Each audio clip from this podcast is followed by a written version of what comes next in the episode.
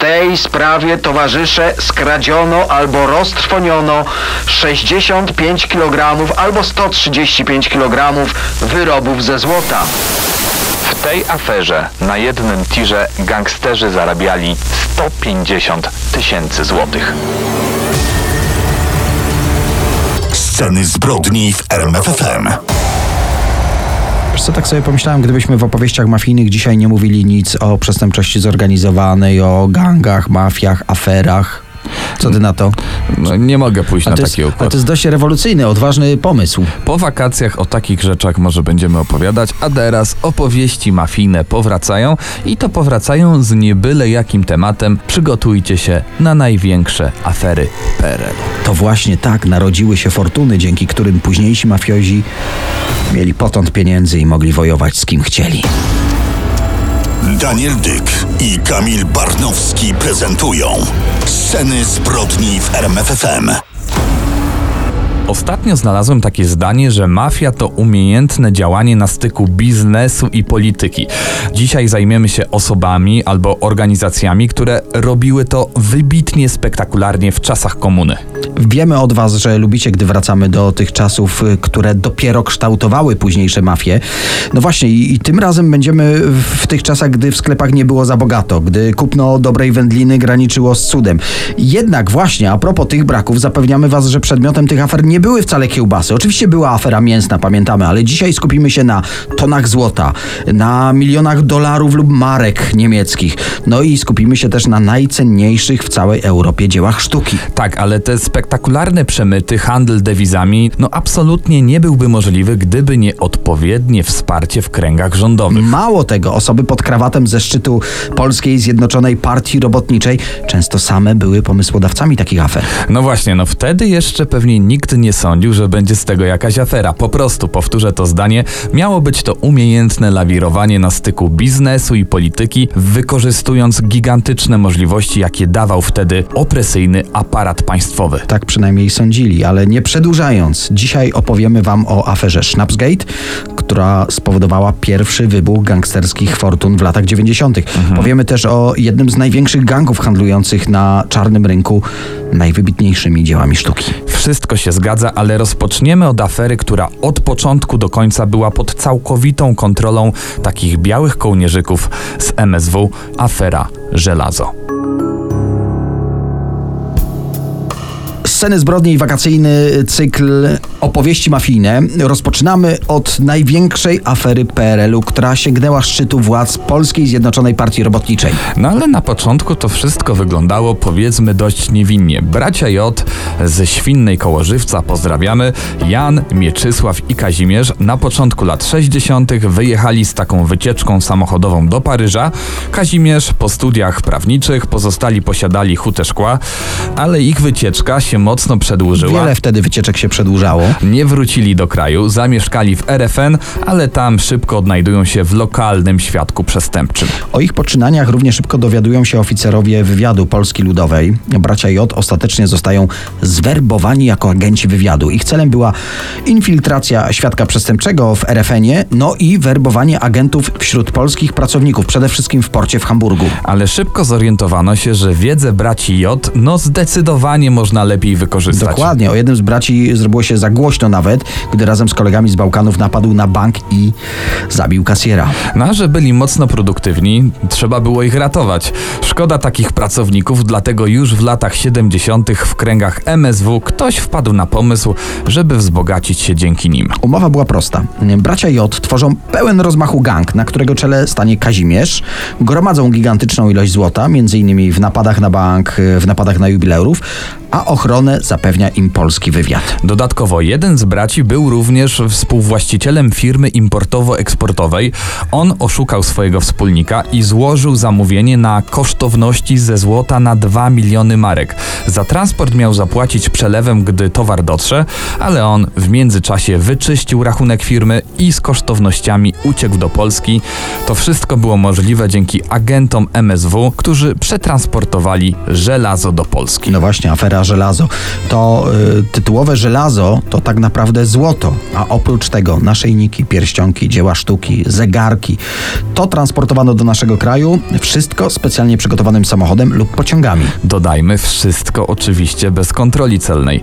Bracia J dzielili się z władzami MSW 50 na 50, no ale to tylko w teorii. Lepiej na tym oczywiście wychodzili przedstawiciele władzy. Początkowo planowano, że pieniądze z akcji będą finansowały działania polskiego wywiadu, czyli taka przestępczość zorganizowana, ale jednak w szczytnym celu. No powiedzmy. Większość jednak szła po prostu do kieszeni ludzi z Ministerstwa Spraw Wewnętrznych. To dzięki nim bracia J byli zupełnie bezkarni. W trakcie swojej działalności zabili dwie osoby, ranili znacznie więcej, ale współpracowali z prawdziwymi fachowcami, więc wszystko uchodziło im na sucho. No najlepiej opisał to sam Kazimierz J., jakie wielkie wpływy miał wtedy w RFN. W Niemczech miałem opanowany cały Hamburg. Prezydenta policji, komisarzy, to wszystko mi salutowało. Podkupywałem ich polskimi towarami. Smakowała im gorzałka, wyroby mięsne, torty. To był tak zaplanowany przemysł, że w latach 70. w jednym z budynków MSW powstał nawet taki specjalny sklepik, w którym na przykład dla swojej małżonki czy kochanki pracownicy tego departamentu mogli kupić jakiś prezent. Pewnie taka pani cieszyła się y, bardzo, a tym bardziej, gdy usłyszała, że pierścionek jest zachodni. To miało dodatkową wartość, y, to była marka, że z zachodu. Y, jej reakcja pewnie byłaby zupełnie inna, gdyby wiedziała, jak został zdobyty. Teraz przejdźmy do tego, jak afera żelazo wyszła na jaw. Dokładnie, 84 rok. Wtedy jeden z braci J został zatrzymany przez milicję. Dodajmy, był już wtedy szanowanym restauratorem w Bielsku Białej. I inny brat, żeby go ratować, odwiedził generała Kisztaka i zaszantażował go, że jeśli nie uwolnią Kazimierza, wtedy będzie musiał ujawnić aferę. Kryzys wizerunkowy PZPR murowany. No nie mogli sobie na to wszystko pozwolić. Powołano komisję śledczą i ustalono, kto kierował całym przedsięwzięciem. Słowa generała Kiszczaka.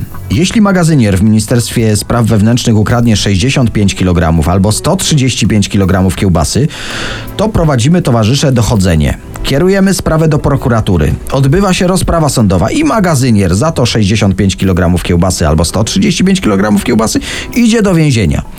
W tej sprawie, towarzysze, skradziono albo roztrwoniono 65 lub 135 kg wyrobów ze złota, kamieni szlachetnych, brylantów, szmaragdów, rubinów, szafirów. Ktoś przecież, towarzysze, za to wszystko powinien ponieść jakąś odpowiedzialność. No okazało się, że nie do końca, bo komisja nie ustaliła, kto przejął kosztowności, no ale za winnego uznała ówczesnego szefa wywiadu PRL generała Mirosława Milewskiego. Natomiast według komisji nie było twardych dowodów, że ktoś komuś wręczał łapówki. Żeby zachować pozory praworządności, generał Milewski został usunięty z partii, a w latach 90., gdy ponownie próbowano rozliczyć aferę, Sprawa uległa przedawnieniu, dlatego generał Milewski przebywał w więzieniu raptem kilka tygodni. Pozostali członkowie MSW, uczestniczący w aferze, zostali ukarani naganami. Śmiało można powiedzieć, że nikt tak naprawdę nie poniósł odpowiedzialności karnej. Zaznaczmy jeszcze, że wszyscy bracia Joty już nie żyją, a szacuje się, że w aferze żelazo przemycono do kraju kilkaset kilogramów złota, o zegarkach i innych cackach no nawet już nie wspominając. I co bardzo ciekawe, według różnych źródeł w aferę żelazo zamieszany był jeden z późniejszych bossów mafii ząbkowskiej, Wiesław Niewiadomski, teraz już wszyscy wiedzą pseudonim Wariat. Afera Żelazo ma wiele wspólnego z inną głośną aferą, aferą Zalew, którą ujawniono wcześniej, bo na początku lat 70., ale my do niej wrócimy później, natomiast już za chwilę afera Złotogłowych. Gangsterskie porachunki, brutalne egzekucje i szokujące uprowadzenia. Sceny zbrodni, opowieści mafijne. Tylko w RMFFM. Zaczynamy tę kolejną opowieść od słów prokuratora Kazimierza Radowskiego wypowiedzianych w trakcie procesów złotogłowych. Grabież narodowego dziedzictwa kultury przez oskarżonych była większa niż dokonana przez hitlerowców. I to właśnie oni odpowiadają za nielegalny handel dziełami sztuki na gigantyczną skalę. Przez ponad 20 lat wywozili na zachód wybitne dzieła polskich, no ale też i zagranicznych artystów.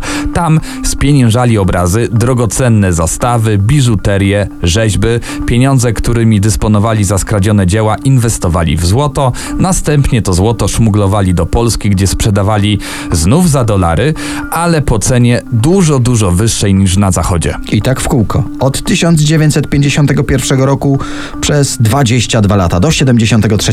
Interes kręcił się jak doskonale zaprojektowane przedsiębiorstwo. No w sumie nie było innego wyjścia. W cały proceder zaangażowani byli naprawdę wybitni specjaliści. To może teraz naszym słuchaczom przedstawimy taki typowy przykład dla tej sprawy.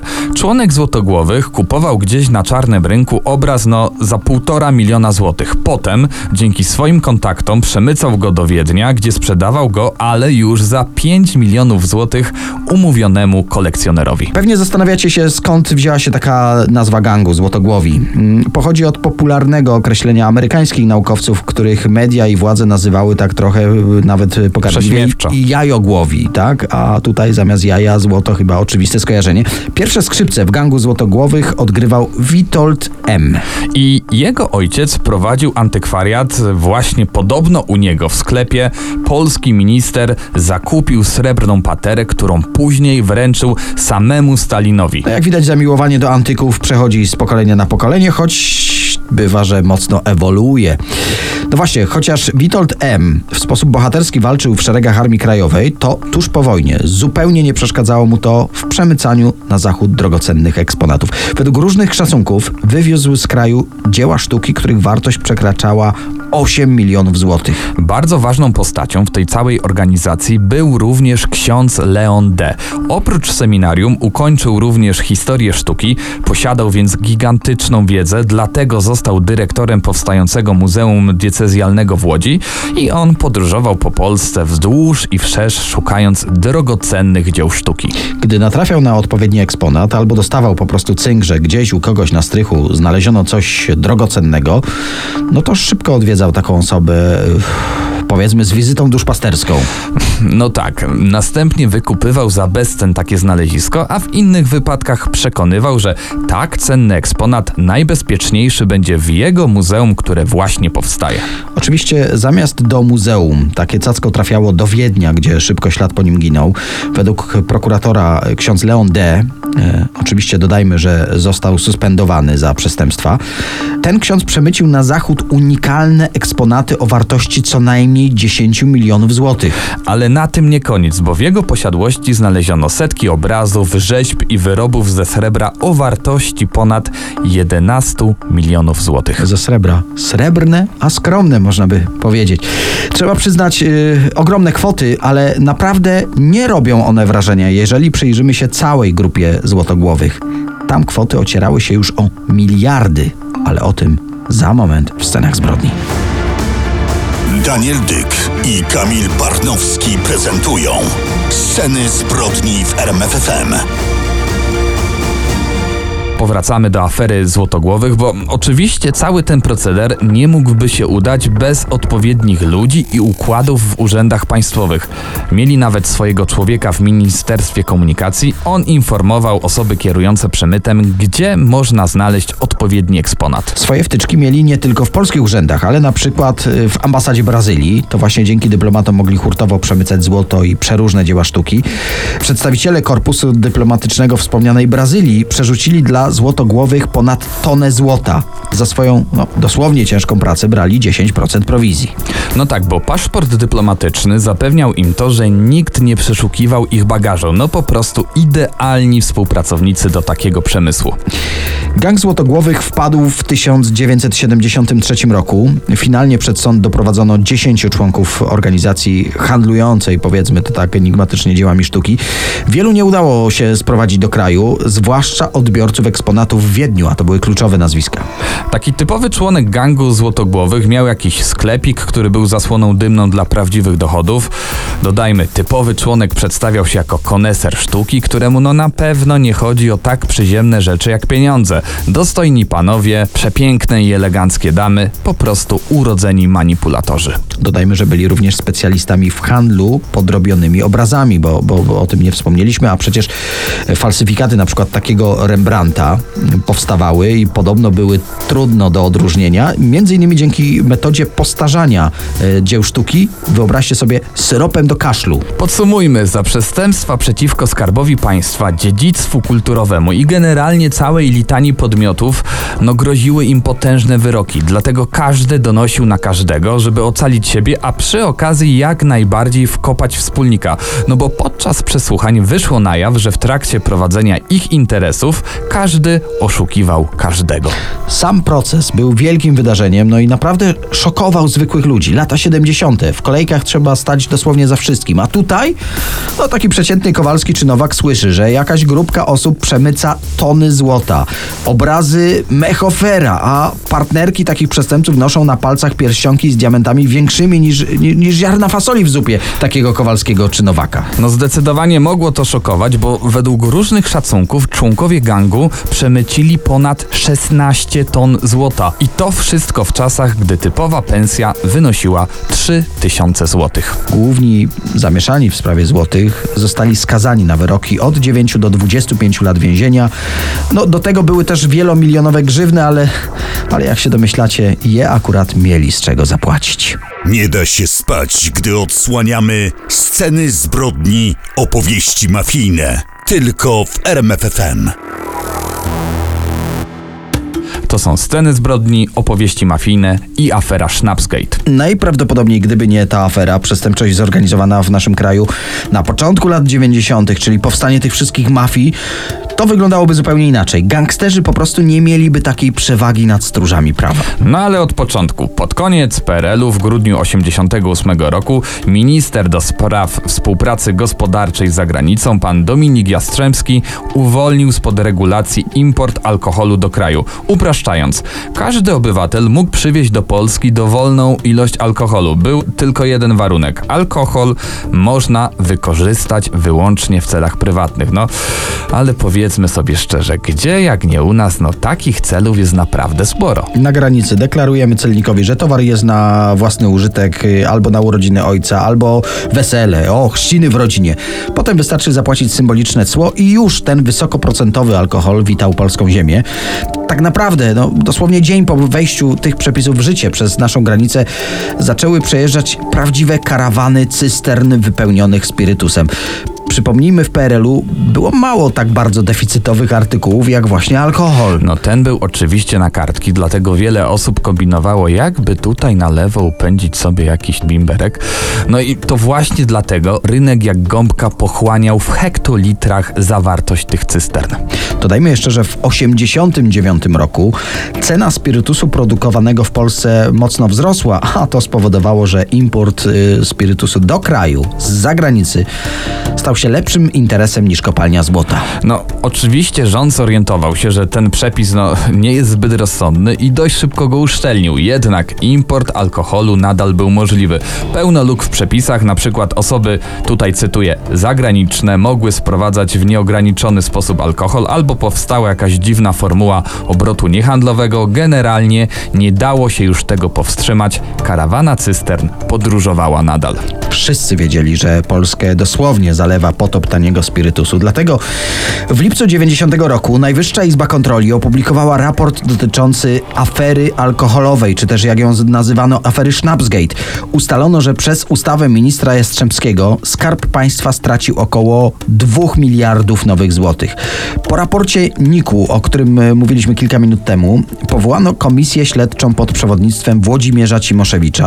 Szef Głównego Urzędu CEU, Jerzy Ćwiek, zeznał, że 75% faktur na import alkoholu było sfałszowanych i były one wystawione na firmy krzaki. Ale wróćmy do pieniędzy, bo mówiliśmy o stratach Skarbu Państwa na 2 miliardy złotych, ale tak naprawdę nikt nie jest w stanie dokładnie oszacować tej kwoty. Przecież nie istniał żaden wiarygodny rejestr i bardzo prawdopodobne, że prawdziwa suma jest kilka albo kilkanaście razy większa. Ostatecznie to był pierwszy i jak na razie ostatni taki przypadek w historii III RP, gdy oskarżeni stanęli przed Trybunałem Stanu.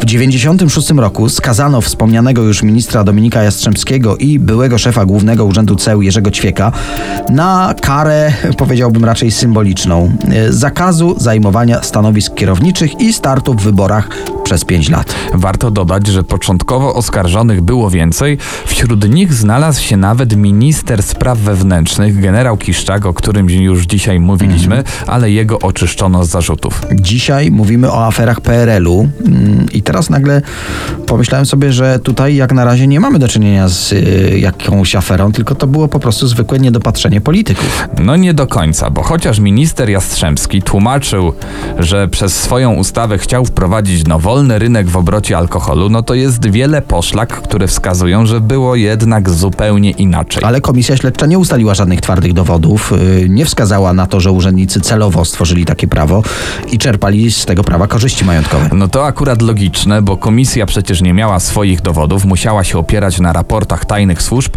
które najprawdopodobniej same w tym procederze uczestniczyły. i nieźle na tym skorzystały. Podsumowując, y, dzięki wspomnianej ustawie gangsterzy w Polsce w szybkim czasie dorobili się gigantycznej fortuny. Dodajmy, że na jednym tirze, jak, jak wyliczono, zarabiali około 150 tysięcy złotych. Pomyślcie, ile takich tirów może przejechać w ciągu dnia przez granicę i przez wszystkie punkty graniczne w Polsce. No ale nie tylko gangsterzy na tym zarabiali. Wielu biznesmenów, wpływowych ludzi z setki najbogatszych w latach 90. znalazło się na tej liście tylko i wyłącznie dzięki importowi spirytusu z Niemiec i Holandii. Kolejna ważna informacja to fakt, y, że o tej nowelizacji w przepisach wiedziały tylko wtajemniczone osoby. Nie każdy mógł skorzystać z tego, nazwijmy to, dobrodziejstwa kapitalizmu. Z różnych zeznań bossów polskiej mafii wynika, że przedstawiciele służb specjalnych sami z gangsterami się kontaktowali. No, chcieli dzięki temu w białych rękawiczkach przetransportować alkohol do kraju, oczywiście inkasując przy tym pokaźny procent. Gangsterzy później działali jednak już na własną rękę, bez pośrednictwa służb, a fortuna, której się dorobili, stała się, jakby to powiedzieć, kołem napędowym, kołem zamachowym przestępczości zorganizowanej. I dzięki tym pieniądzom, dzięki Schnapsgate, nie było rzeczy i ludzi, których dla dobra swoich interesów bossowie polskiej mafii na początku lat 90. nie mogli sobie po prostu kupić. Czas na następną historię. Ona będzie bardzo podobna w sposobie swojego działania do afery Żelazo. Tutaj też pierwsze skrzypce grali pracownicy MSW, tylko tutaj to byli pracownicy drugiego departamentu odpowiadający za kontrwywiad. Afera Zalew, bo o niej mówimy. Tajna operacja kontrwywiadu na przełomie lat 60. i 70. Gromadzono na zachodzie Europy złoto, dewizy, no wszelkie kosztowności, ale mówiąc gromadzono, to trochę jakby nic nie powiedzieć. To były spektakularne kradzieże, napady z bronią przy wykorzystaniu kontaktów operacyjnych i wiedzy zdobytej w trakcie szkolenia agentów. I kosztowności trafiały do ich własnej kieszeni, mimo tego, że podobnie jak w przypadku afery Żelazo, miały one finansować działania MSW za granicą. No ale też były mniej prestiżowe łupy od złota, takie jak kosmetyki czy konserwy z szynką, no korzystali ze swojego stanowiska jak tylko mogli. Działania były nielegalne, a grupa działała pod szefostwem generała Ryszarda Matajewskiego. Afera ujrzała światło dzienne w 1971 roku. Prawdopodobnie było to spowodowane walkami y, w MSW. Powiedziałeś o drugim departamencie. Y, Drugi departament walczył z pierwszym, czyli wywiad i kontrwywiad. Do tego jeszcze dodajmy y, niedawne przejęcie władzy przez Edwarda Gierka. No i sami widzicie, że jak są zmiany, to wiele osób mogło ujawnić tę aferę MSW i wykorzystać ją do swoich celów. Finalnie aresztowano ponad 30 osób, no a w aferze skazano tylko dziewiątkę. Generał Matejewski usłyszał wyrok 12 lat więzienia, były wicedyrektor MSW Jerzy Smolnik 9 lat więzienia, a pozostali zamieszani w sprawę zostali skazani na wyroki od 6 do 2 lat pozbawienia wolności. Ale skąd nazwa Zalew? Wypada to powiedzieć. Yy, Jesteśmy na wakacjach, więc słuchacze myślą od razu o, o takim jeziorku, prawda? No i coś w tym jest, no bo właśnie część drogocennego łupu funkcjonariusze MSW ukryli na swoich działkach nad Zalewem Zegrzyńskim i stąd właśnie nazwa tej akcji. Śledczym, y, dodajmy, udało się zarekwirować dolary, złoto i biżuterię o wartości 40 milionów złotych aż. No ale pytanie, jaką rzeczywistą kwotę udało się zdobyć zamieszaną w aferę Zalew? No tego prawdopodobnie nie dowiemy się już nigdy. Storpedowałeś mój pomysł Mhm. na początku, żeby powiedzieć w opowieściach mafijnych wyjątkowo nie o mafiach. To było rewolucyjne. Po tym, jak nagraliśmy ten podcast, może chciałbyś cofnąć te słowa i powiedzieć, że miałem rację, że, że, że może niepotrzebnie Ja szliśmy w te afery. nie będę cofał. Nasi słuchacze mają taką możliwość, mogą sobie cofnąć. Ten podcast generalnie każdy sobie mogą cofnąć i odsłuchać go jeszcze raz, jeśli tylko mają taką chęć. Polecamy. Y, Daniel Dyk, I Kamil Barnowski. do usłyszenia. Sceny zbrodni w RMFFM.